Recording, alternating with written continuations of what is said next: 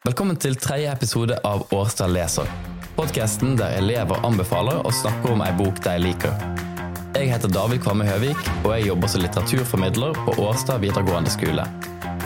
I denne podkasten skal jeg snakke med elever som liker å lese, og elever som aldri har kommet i gang med det. Før hver episode leser jeg ei bok som elevene har anbefalt til meg. Og i dag er det Julie fra VG2 søm- og tekstilhåndverk som anbefaler Ekko, et essay om algoritmer og begjær av Lena Lindgren.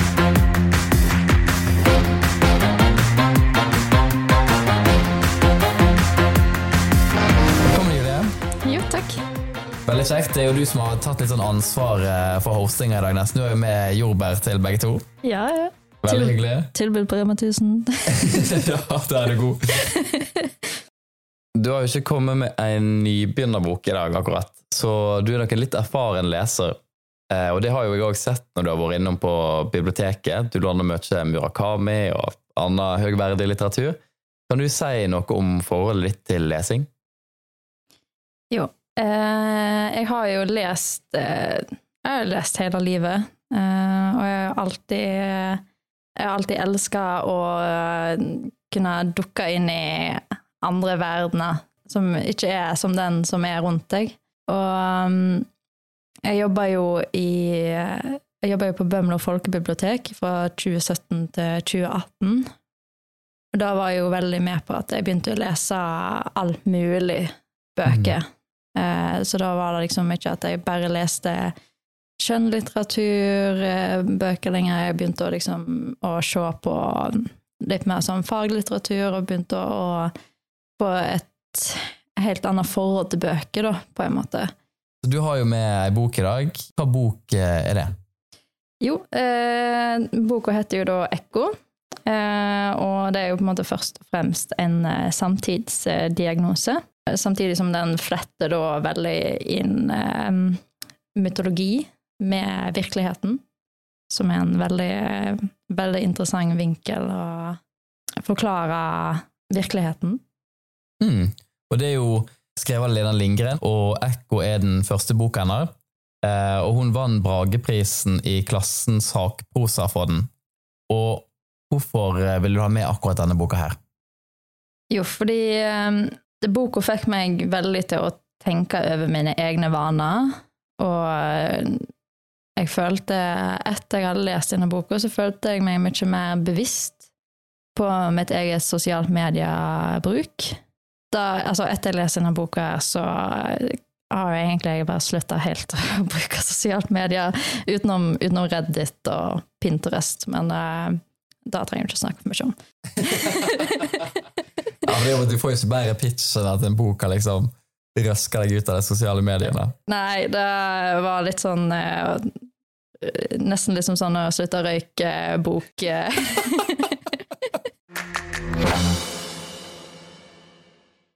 Ekko er ei bok om hvordan sosiale medier og algoritmer endrer hvordan vi tenker om oss sjøl og andre. Forfatteren bruker mytene om Narsissus og Ekko for å vise hvordan vi både blir oppslukt av oss sjøle, men òg liker og liker på andre. Essayet er sånn sett et forsøk på å forstå tida vi lever i, og et oppgjør med makta store selskap som Facebook og Google har over oss.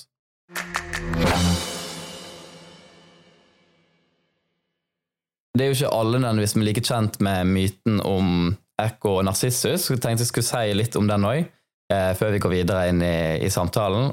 Og historien om Ekko og Narsissus den ble nedskrevet av den romerske poeten Ovid, eh, og den handler om en nymfe som heter Ekko, som får en forbannelse kastet over seg. Eh, og den forbannelsen gjør at hun bare kan gjenta de siste stavelsene fra andre sine setninger. Hun kan aldri produsere noe sjøl. Og hun forelsker seg i en pen mann som heter Narsissus, og hun følger etter han på avstand oppe i fjellet. Så når han sier 'hvem der', så svarer hun 'hvem der'. Eh, og det syns jo han er litt forlokkende, eh, helt til hun viser seg for han, og når eh, han ser at Ekko er et virkelig vesen, så skubber han bare hun vekk. Og da slutter hun å Eller da går hun litt opp i oppløsning, og så blir hun til vinden. Men så fortsetter hun å følge etter han. Og til slutt så kommer Narsissus fram til et vann, for han har lyst til å drikke. Eh, Og når han ser ned i det vannet, så ser han sitt eget speilbilde, og så forelsker han seg, og han klarer ikke å rive seg løs. Så han klarer ikke å ete, han klarer ikke å drikke, han klarer bare å se på seg sjøl. Og til slutt så dør han. eh, mens han ser på seg sjøl. Og så tar hun det som utgangspunkt for en, den, det som du nevnte som samtidsdiagnose. Da. Eh, hvordan opplever du at hun bruker eh, den myten? Hva, hun, hva, hva var funksjonen der? Hun, tar, eh, hun bruker narsissus som den personen som da bruker sosialt medier og deler, deler bilder av seg sjøl. Og så har du da Ekko som deler det videre og kommenterer og sier liksom sånn heia, heia, så, så flink du er, sant. Og um, det gjør jo da at narsissus blir da eh, Den står fast i sitt eget speilbilde, fordi den har alltid ekko som heier på han. Og da mm. klarer han aldri å komme seg ut av sitt eget speilbilde. Ja, og det der trakk du òg inn da vi snakka om boka i forkant av innspillinga, og da nevnte du det eksempelet med Sofie Elise. Har du lyst til å si litt mer om det? Det er jo et eksempel som hun bruker i boka, da. Eh, og det er et eksempel fra en biografi til Sofie Elise. Eh, der hun på en måte forteller om hvordan hun har blitt påvirka av å ha veldig mye oppmerksomhet på seg sjøl og sitt person, altså personlige liv. Eh, og at det da blir som en slags sånn true man, eh, true man-syndrom, om mm. du kan kalle det det. Sånn at det er nesten som ikke tror på at det, fins noe utafor sin egen boble. Mm. At det er alt Spotlight er alltid på henne. Det er, ja. Og for de som ikke kjenner til det Truman-syndromet, så er jo det et begrep som ble etablert etter en uh, Jim Carrey-film som heter The Truman Show, der uh, det er en hovedperson som er en del av et reality-program der alle rundt han, fra han er født til han blir voksen, er skuespillere. Så han bor bare i en kuppel og går rundt og lever hver dag som om han var et vanlig menneske, men så egentlig er han bare en slags skuespiller på lik linje med alle andre i et stort reality-program som man ikke vet om. Så man blir jo konstant sett på uten at man nødvendigvis har lyst til å bli sett på. det. Og Lindgren skriver jo at det var veldig mye fokus på Narsissus opp gjennom historien, men mindre fokus på ekko. Jeg har lyst til å lese et sitat fra boka om det her. Jeg tror at årsaken til at Ekko er fortrengt, er at hun på et vis er en uhyrlig figur. Hun utfordrer et grunnpremiss i den moderne vestlige tanketradisjonen, at hver og en av oss er et helt spesielt og autonomt individ. Ekko viser oss det motsatte, at mennesket faktisk ikke er et så selvstendig vesen, at vi tvert om følger etter andre.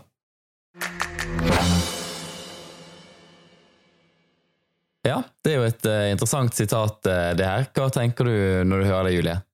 Um, jeg uh, visste jo egentlig ikke helt hva jeg skulle tro når jeg leste det. Fordi det er veldig sånn absolutt sånn Du tenker ikke fritt, selv om du kanskje tror at du tenker fritt. Så jeg var sånn Ok, hva skal jeg gjøre med den informasjonen? Men på en måte så syns jeg jo at det, det gir jo veldig mye mening. Selv om på en måte vi kan jo fortsatt tenke nye tanker og, ut, og utvikle oss veier som vi ikke har utvikla oss før. Jeg hadde jo på sett og vis trodd at jeg eh, tenkte ganske fritt. Jeg var et ganske Jeg var et individuelt vesen, mm. på sett og vis. Men jeg følte meg veldig lite spesiell når jeg leste det der. Utrolig hyggelig, ja. Ja, og så var det var et, eh, det var et sitat jeg leste Jeg tror det var i eh, sammenheng med dette her, at eh, selv, selvbevissthet fører med seg en stor dose eksistensiell angst. Mm. Hvor har du funnet dette her, Julie? Det var i poko i Sverige. Var det? Ja, det var egentlig litt det jeg følte på når jeg eh, leste dette her med mimetisk teori. Mm. Eh, at det, det, ga meg på en måte veldig mye bevissthet, eh, på godt og vondt. Så jeg fikk nesten litt sånn eksistensiell angst og sånn Å ja, bare Da jeg begjærer, bare på grunn av at andre begjærer det. Mm. Ja, nå, ja, nå, det er sant. Og da er vi jo gypt inn i Girard-verdenen. Det kan vi jo introdusere han òg. Yeah. Eh, for han blir jo brukt ganske aktivt. Det er jo en fransk filosof som heter René Girard. um, som er kjent for en mimetisk teori, og han snakker jo en del om dette her med mimetisk begjær, uh, og akkurat det du snakker om, at man uh, Han tror at vi er flokkdyr som ikke har en individuell tanke, han tror bare at vi begjærer det andre uh, begjærer. Vi må snakke litt om digitale tvillinger. Eh, Lindgren skriver jo i ei fotnote at en digital tvilling gjerne blir definert som en digital eller virtuell kopi av en fysisk ting som finnes i den virkelige verden, og at dette begrepet kan òg brukes om personprofilene som selskap har laga av oss.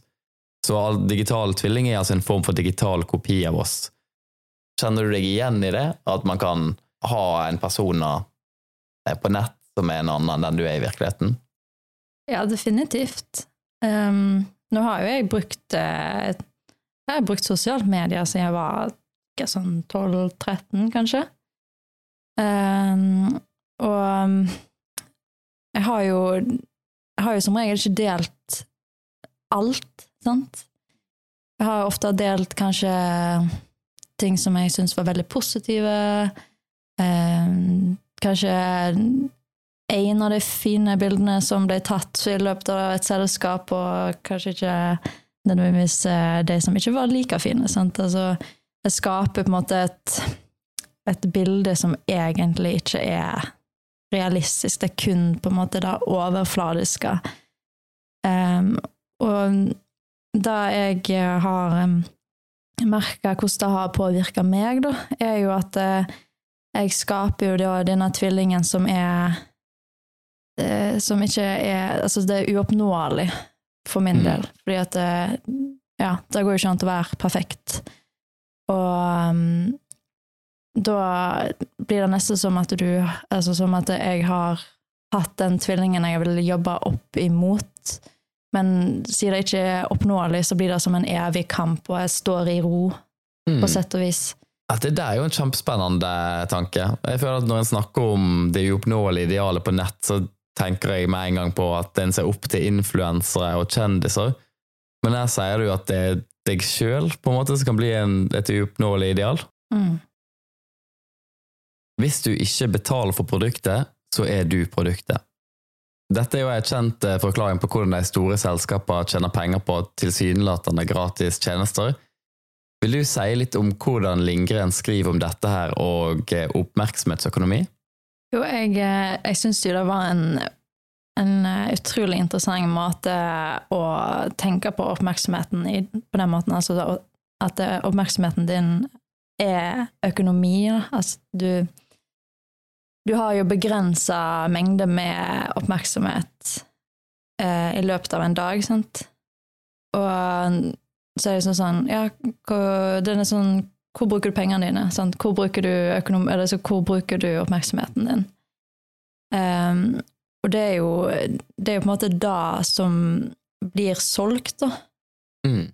Sånn så når, når du, når du Sånn som du sier, når du er produktet, da er det oppmerksomheten din som de vil ha. Ja, fordi altså, jeg tenker jo bare hvor mange Jeg vil ikke si timer, men jeg går for minutter her hvor mange minutter jeg bruker på å se på YouTube-reklamer i løpet av en dag. Eh, og der kan man jo selvfølgelig kjøpe seg ut av det, og det som er greia. Sånn. Man kan jo kjøpe seg vekk fra Man kan kjøpe YouTube Premium, eh, og da slipper man eh, de reklamene. Og så likevel så sitter jeg i det. Jeg bruker min tid og min oppmerksomhet på de reklamene, og blir sannsynligvis påvirka av det, da. Mm. Eh, og da er jo jeg helt klart et produkt der, da. Ja. Og det er jo sånn som, eh, som hun skriver i boka, at eh, Facebook sin profitt kommer 99,7% av å selge dataen til brukerne. Mm -hmm.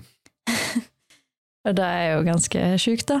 Men det som, det som gjør at den dataen er så verdifull, det er jo da at det, da Hvis den, hvis den eh, algoritmen vet nøyaktig hva du liker, og hva du vil ha, så kan jo den skreddersy, eh, reklamene sånn at du sånn Du har snakka om at du har veldig lyst på en kano. for, for eksempel. ja. og så plutselig så bare ser du bare ekstremt masse reklame for kanoer. sant? Og det er jo Mm. Altså, hvis du da hadde bare fått masse reklame for eh, vet ikke jeg, bleie, sant? så altså, det ville ikke, det ville ikke liksom Det ville ikke eh, vært like aktuelt, egentlig. Mm. Det ville ikke vært like Reklamen ville ikke appellert like masse til deg som den kanoen som du har snakka om hele uka, at du har så lyst på. sant? Så Mm. Kanskje den reklamen er den som på en måte pusher deg til sånn ja, nå, nå er det på tide at jeg kjøper meg en kano. Nå er det helt sikkert noen der hjemme som kommer til å få lyst til å kjøpe en kano etter å ha hørt eh, så mye om det.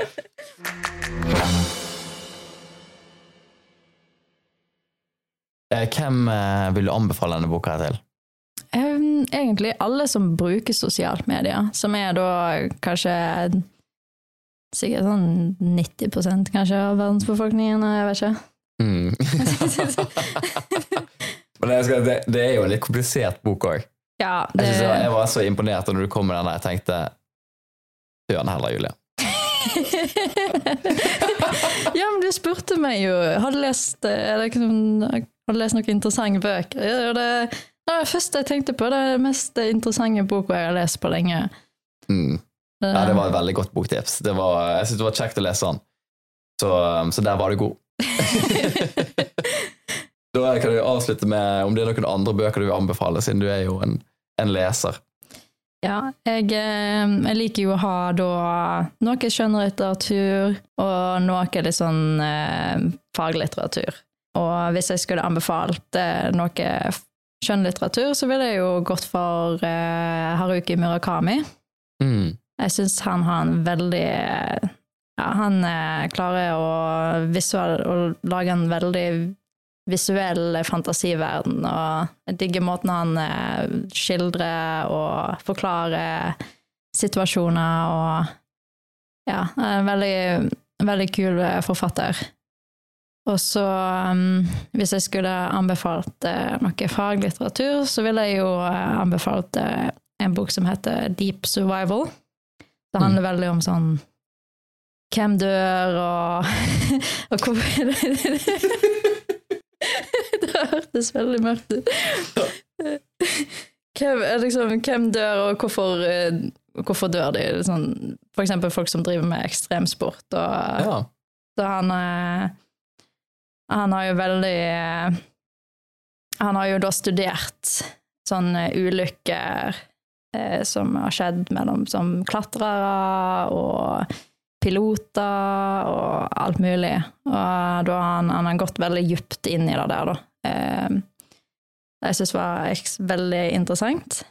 Og så syns jeg jo òg en bok fra han, Hans Rosninger er nesten litt sånn Den er egentlig sånn bok som må leses, som heter da Factfulness. Eh, som er å på en måte Som er med på å lage veldig sånn realistisk syn på Bare på statistikk og hvordan verden er. Tusen takk for at du var med, Julie. Dette var veldig kjekt. Nå har vi jo bare én episode igjen før sommerferien, og da skal jeg snakke med Atlas om Malin Falk sin serie Nordlys. Vi sees igjen neste gang.